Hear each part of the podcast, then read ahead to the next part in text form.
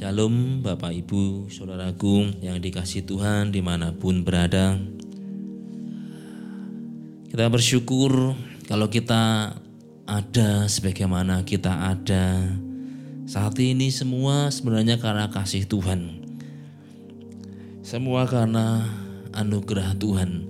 Saudaraku yang kekasih sudah beberapa bulan ini dunia menghadapi satu wabah dan negara kita sudah beberapa minggu semua dikerjakan dari rumah. Zaman now neng omah wae. Saudaraku yang dikasihi Tuhan, keadaan memaksa kita untuk mengerjakan segala sesuatu dari rumah. Ibadah juga di rumah, bekerja juga dari rumah, sekolah pun dari rumah.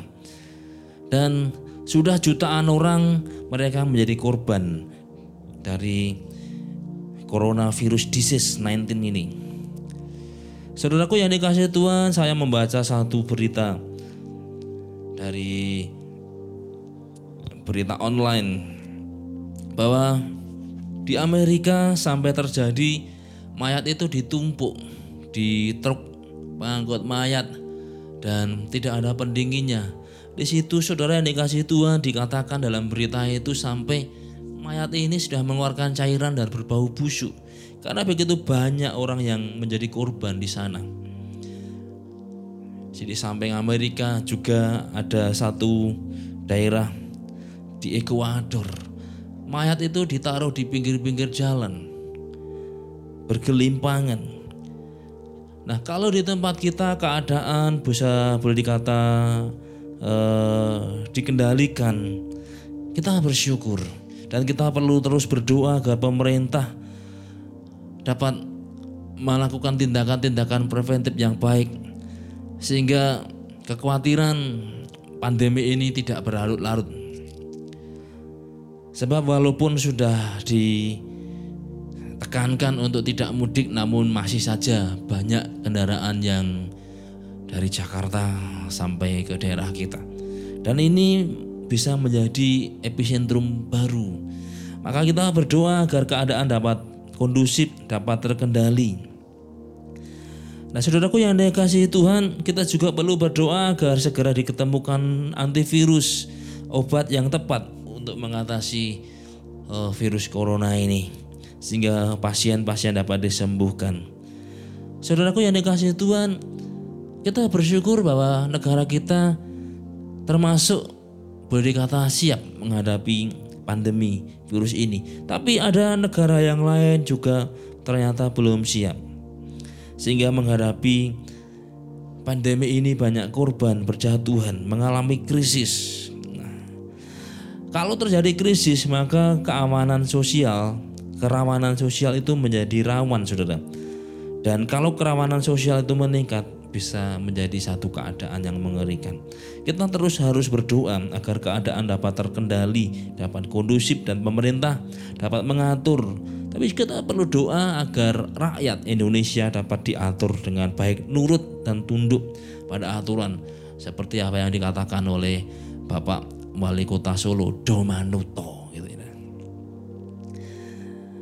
Kita perlu terus mendukung pemerintah Nah saudara yang dikasih Tuhan Mari kita melihat bahwa keadaan yang terjadi hari ini memaksa semua ter dibatasi.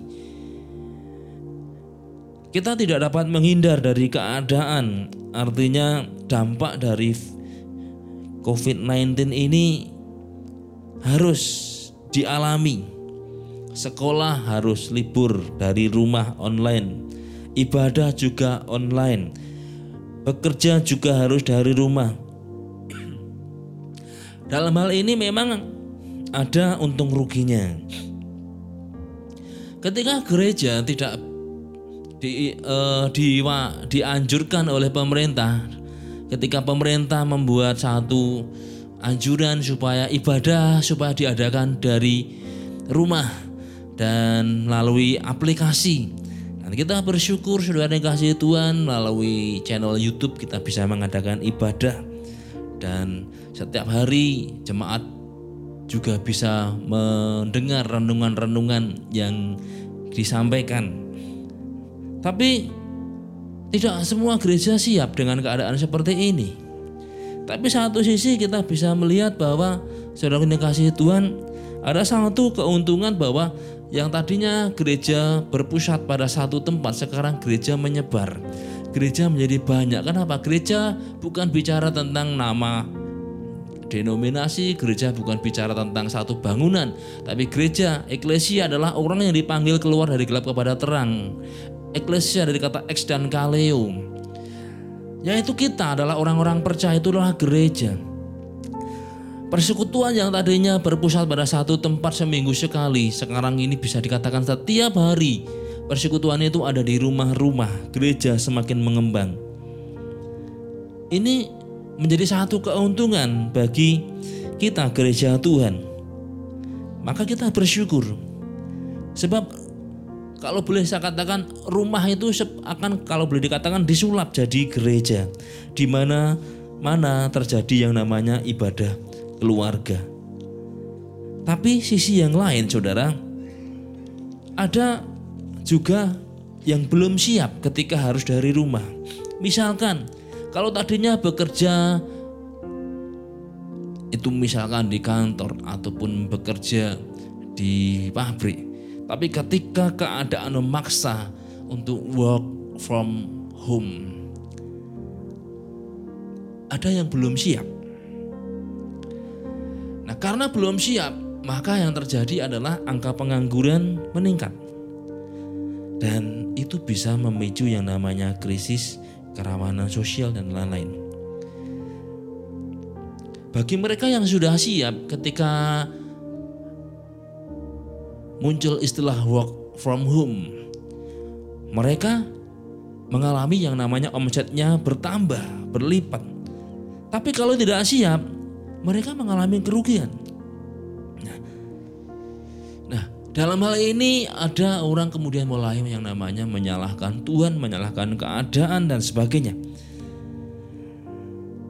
Ketika mengalami krisis tidak siap, maka responnya adalah menyalahkan Tuhan. Tapi sebenarnya mari kita berpikir bahwa sebenarnya Tuhan sudah memberitahu bahwa akan terjadi seperti ini, akan terjadi badai. Dan Tuhan sudah sudah berkata bahwa orang yang fokus pada Tuhan, maka orang itu akan mengalami perkenan di tengah badai. Tapi karena tidak mempersiapkan diri, yang terjadi adalah tenggelam dalam badai dan sehingga kemudian menyalahkan Tuhan. Nah, saudara, mari kita break, mari kita melihat apa yang harus kita kerjakan di tengah badai ini supaya kita mengalami perkenan Tuhan. Kita mau tidak mau harus menerima bahwa sekarang badai itu terjadi. Keadaan memaksa semua dikerjakan dari rumah. Dan kita harus berpikir. Tapi kita bersyukur Tuhan sudah berkata orang yang fokusnya bukan pada badai, dia akan mengalami perkenan. Nah kita akan belajar dari Naaman. Mari kita membuka Alkitab kita dalam kitab Dua Raja-Raja pasal yang kelima. Kita akan baca tiga ayat karena cukup panjang. Saya bacakan tiga ayat saja. Dua Raja-Raja pasal 5 ayat 1, ayat 3 dan ayat 14. Saudaraku bisa membaca keseluruhan satu perikop ini.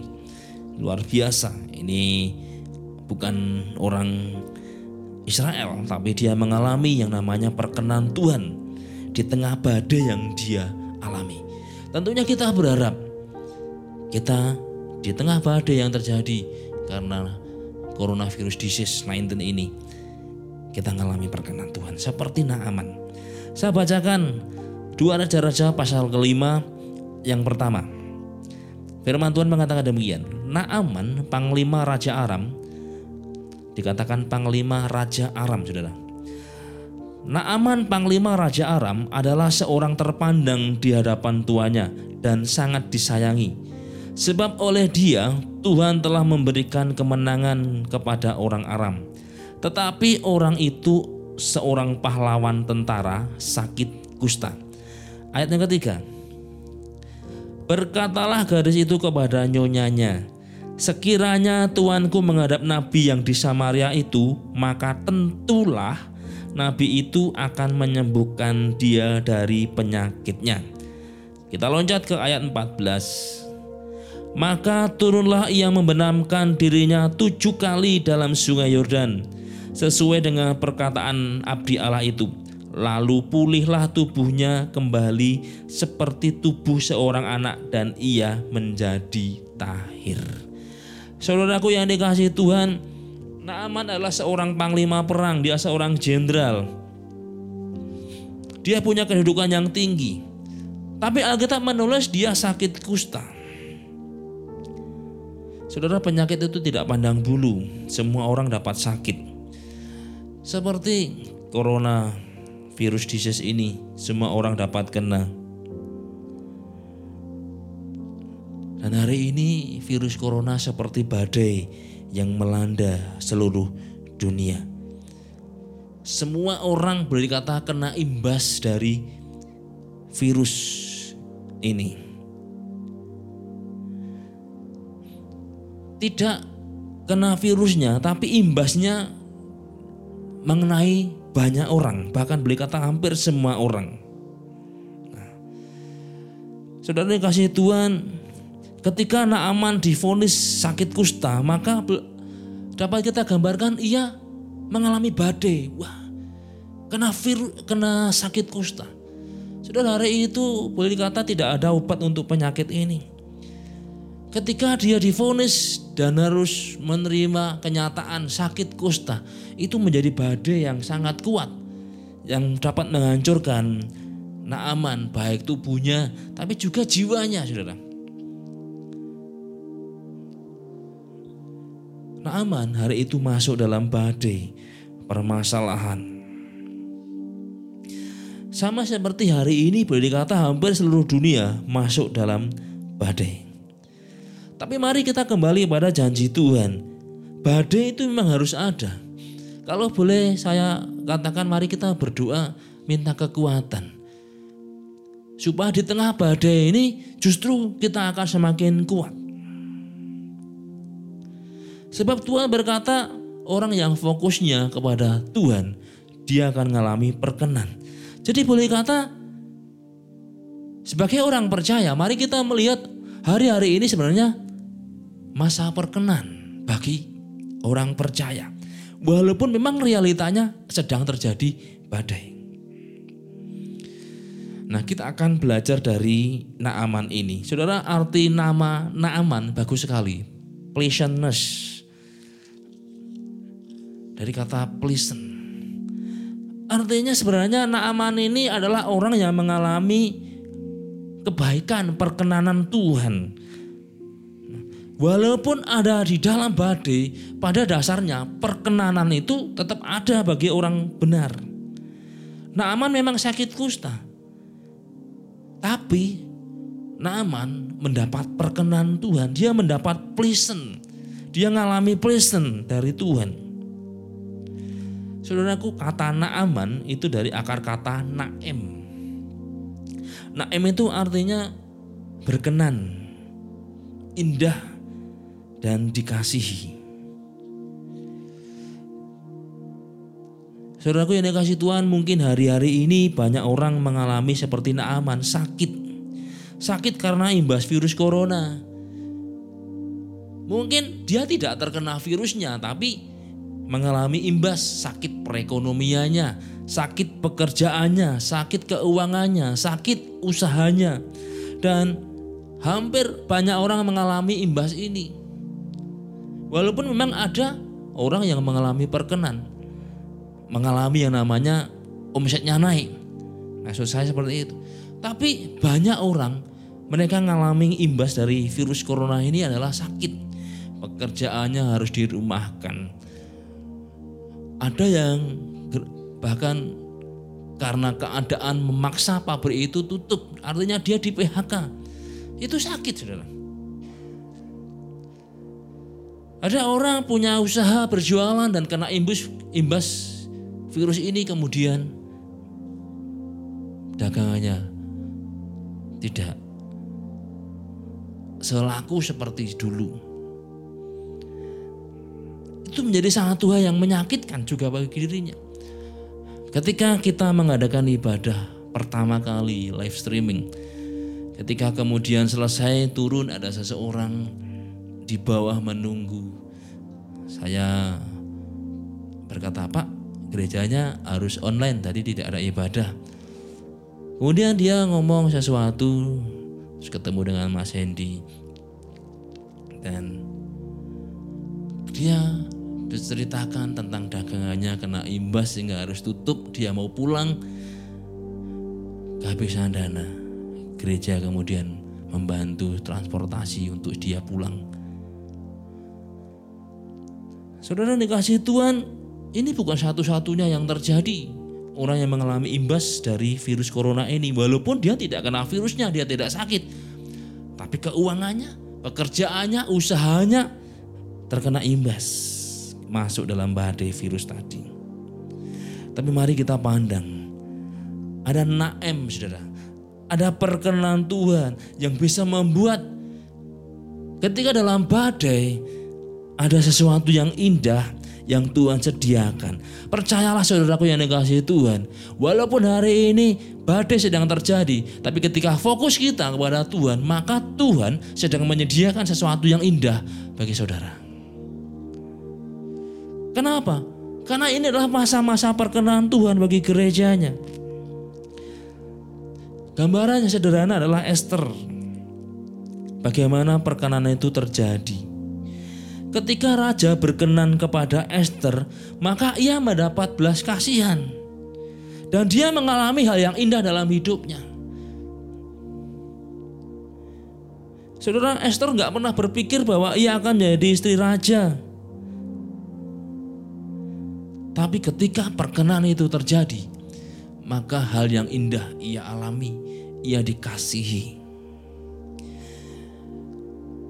Hari ini memang badai terjadi, tapi mari kita melihat apa yang Tuhan janjikan. Orang yang fokusnya bukan kepada badai, tapi fokusnya kepada Tuhan, maka ia akan mengalami perkenan. Dan ketika orang itu mengalami perkenan, maka hal yang indah dan kasih Tuhan akan ada di dalam diri orang itu.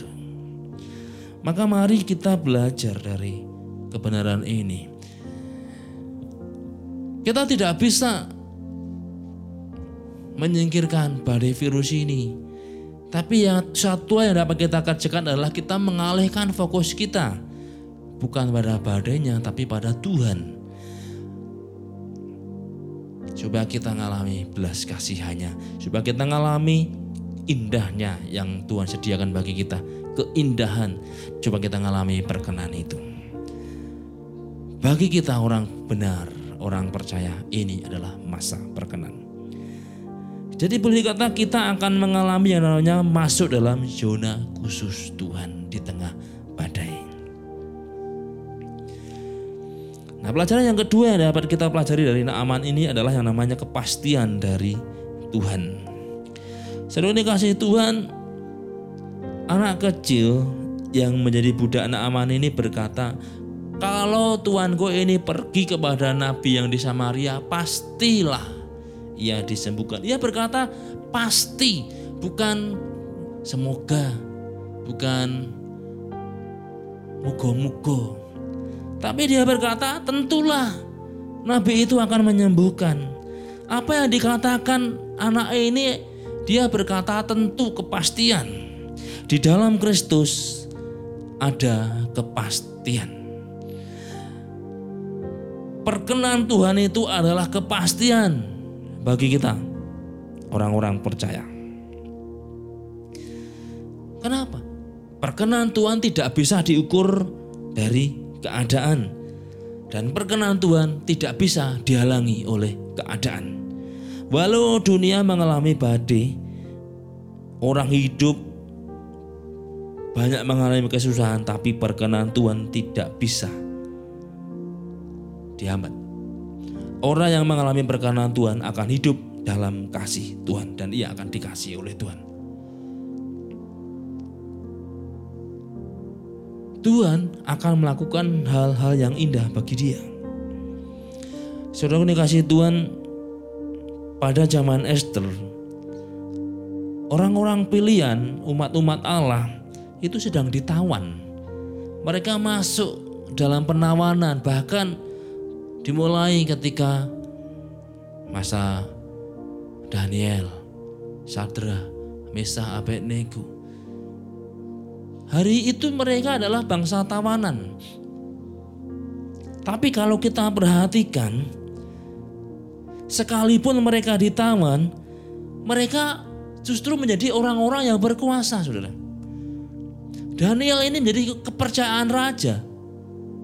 Kalau boleh saya katakan raja itu hanya duduk di tahta semua dikendalikan oleh Daniel. Daniel siapa? Dia tawanan. Sadrah Mesa Abednego mendapat kedudukan yang tinggi. Mereka siapa? Tawanan. Esther ini bangsa mana? Bangsa tawanan. Tapi dari apa? Jadi apa? Jadi permaisuri.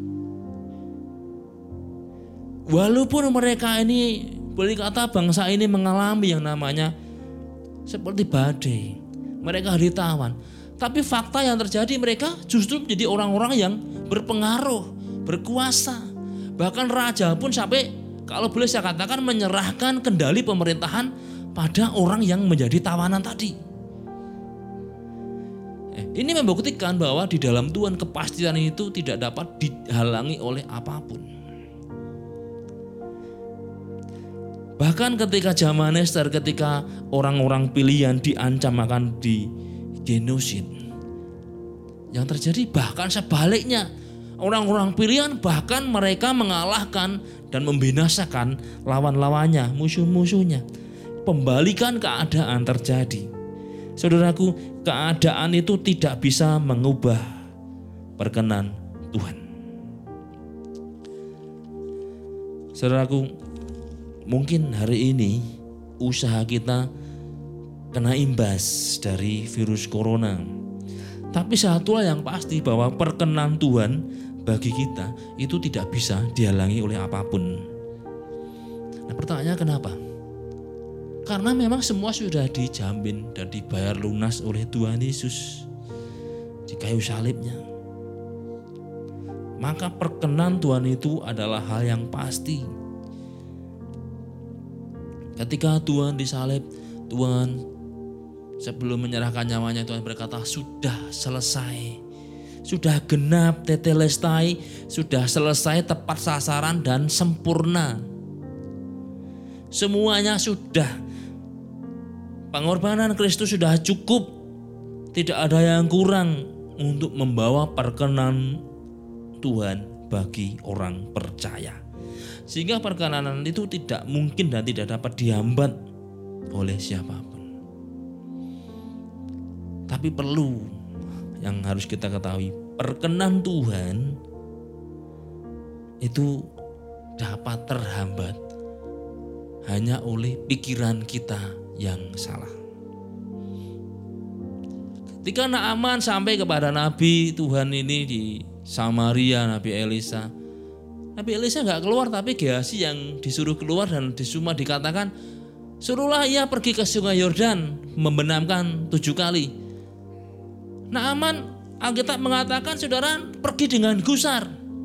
Dia berpikir aku sangka oh, dia akan keluar, akan memanggil nama Allahnya, akan mengangkat tangannya, akan menjamah. Karena dia sudah punya pikiran-pikiran sendiri, saudara. Dia seorang pejabat jenderal, panglima. Kalau seandainya Naaman ini memegang pikirannya, bukan ngah sungai di Damsik, Parpar dan Abana lebih bagus. Ngapain ke sungai Yordan? Kalau seandainya dia kembali dan membenamkan bukan di sungai Yordan, di Abana, di Parpar, nggak akan terjadi yang namanya perkenan Tuhan, dia sembuh.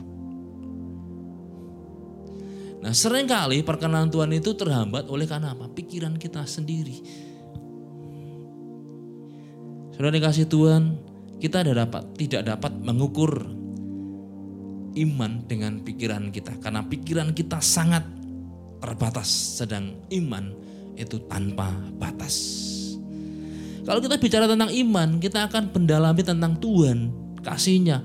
Dan itu tidak dapat kita bayangkan. Sehingga Rasulullah mengatakan betapa tingginya, betapa dalamnya, betapa lebarnya, betapa luasnya. Saudara, ini nggak ada rumusnya dalam matematika. Panjang kali lebar itu luas. Kalau panjang kali lebar kali tinggi itu volume. Lah ini panjang, lebar, luas, tinggi, dalam Tidak ada ukurannya. Artinya apa sih? Kasih Tuhan itu tidak dapat diukur. Dengan langit biru kita tidak dapat memprediksi karena apa? Langit atau eh, langit ini adalah satu hamparan yang tanpa batas. Orang bisa memprediksi jarak sinar matahari 150 juta tahun cahaya. Tapi langit biru tidak bisa. Karena dalam langit ini ada banyak galaksi. Kita ini hanya ada dalam satu galaksi, galaksi Bima Sakti. Dalam galaksi kita ini ada beberapa tata surya dan tata surya di mana kita hidup ini adalah hanya sebagian kecil dari tata surya dari sekian banyak tata surya tata surya di galaksi Bima Sakti. Sementara masih ada galaksi yang lain. Sehingga yang namanya langit itu satu hamparan yang tanpa batas. Nah, seperti itulah kasih Allah tidak dapat diukur. Sehingga kalau kita ngomong perkenalan Tuhan, maka kita harus menawan pikiran. Sebab pikiran kita itu yang berpotensi untuk menghambat kita mengalami perkenan Tuhan dalam diri kita. Firman Tuhan tidak bisa diukur dengan pikiran kita sebab pikiran kita amat sangat terbatas. Sedangkan firman Tuhan iman itu tanpa batas. Tapi Alkitab menulis Naaman akhirnya mendengar apa yang dibujukan oleh pegawai-pegawainya. Bukankah kalau hanya disuruh pergi ke sungai Yordan kan mudah? Kayaknya Naaman pergi ke sungai Yordan. Saudara, tidak bisa digantikan dengan sungai yang lain. Harus sungai Yordan. Sebab Naaman akan sembuh hanya ketika dia pergi ke sungai Yordan. Seperti yang dikatakan oleh Nabi Tuhan. Dia tidak bisa menggantikan dengan sungai yang lain. Kata Yordan ini punya arti bagus merendahkan diri. Kita harus merendahkan diri, mematikan diri kita, hawa nafsu mematikan manusia lama, mematikan Rasul Paulus mengatakan aku menawan segala pikiran dan perasaan itu harus kita tawan, kita merendahkan diri di hadapan Tuhan. Seperti Naaman ini. Ketika dia masih menggunakan cara berpikirnya, logikanya, dia nggak ngalami. Dia berpikir loh sungai di Damsik lebih bagus, lebih jernih. Ngapain ke sungai Yordan? Tapi ketika dia merendahkan diri, dia nurut apa yang dikatakan oleh Nabi Tuhan. Perkenan itu terjadi. Mari kita belajar seperti Naaman, mari kita tawan pikiran dan perasaan kita kita letakkan di bawah kaki Kristus. Ada hukum yang mengatakan barang siapa yang merendahkan diri akan ditinggikan dan siapa meninggikan diri dia akan mengalami kerugian direndahkan dia. Ketika kita mau merendahkan diri di hadapan Tuhan, menawan pikiran dan perasaan kita, dan kita kemudian memakai, artinya kita menggunakan, mengedepankan pikiran yang dari Tuhan, yang berdasar iman maka perkenan itu akan terjadi. Karena bagi Tuhan tidak ada hal yang mustahil. Maka dalam masa badai ini saudara komunikasi Tuhan mari kita merendahkan diri di hadapan Tuhan. Kita menyadari kita tidak mampu. Mari kita berdiam diri supaya kita dapat menangkap apa yang Tuhan inginkan supaya kita kerjakan. Sehingga kita akan dibawa dalam perkenan Tuhan. Saya percaya Tuhan pada waktunya nanti akan bertindak untuk mengakhiri badai ini. Kita biarkan Tuhan bertindak sebagaimana waktunya Tuhan. Karena kita mengatakan segala sesuatu ada waktunya. Tapi mari kita yang menyesuaikan diri, kita yang berdiam diri. Ketika terjadi badai di danau Tiberias, Tuhan berkata kepada badai, diam dan tenanglah. Mungkin hari ini Tuhanlah yang berkata pada kita, diam dan tenanglah. Berdiam dirilah di hadapan Tuhan. Supaya kita mampu menangkap apa yang Tuhan mau taruh dalam hati kita. Kita tenang. Seperti apa yang dikatakan Rasul Petrus, kesudahan segala satu sudah dekat, jadilah kuas, jadi kuasalah dirimu dan jadilah tenang supaya kamu dapat berdoa. Dan di situ kita dapat mengerti apa yang Tuhan mau lakukan sehingga perkenan Tuhan itu akan terjadi di dalam hidup kita. Pertolongan Tuhan akan terjadi dalam hidup kita. Sehingga ketika masa badai, usaha kita yang mati bisa Tuhan pulihkan. Seperti Naaman mengalami pemulihan pekerjaan kita yang terkena imbas badai akan dipulihkan. Keuangan kita pun nanti akan dipulihkan. Sehingga apa yang Tuhan janjikan di awal tahun kemarin, orang yang fokusnya bukan pada badai, maka dia akan berjalan dalam perkenan Tuhan. Itu terjadi dalam hidup kita. Maka sudah dikasih Tuhan, mari kita memandang Tuhan. Kita fokus pada Tuhan. Kita percaya apa yang nampaknya tak mungkin secara logika di tengah keadaan hari-hari ini itu sangat mungkin bagi Tuhan untuk membawa kita mengalami perkenanannya. Mari kita tawan pikiran dan perasaan kita kita letakkan di bawah kaki Kristus supaya hanya pikiran Kristus yang muncul dalam diri kita. Dan kita akan berjalan dalam perkenan Tuhan. Puji Tuhan, Tuhan Yesus memberkati.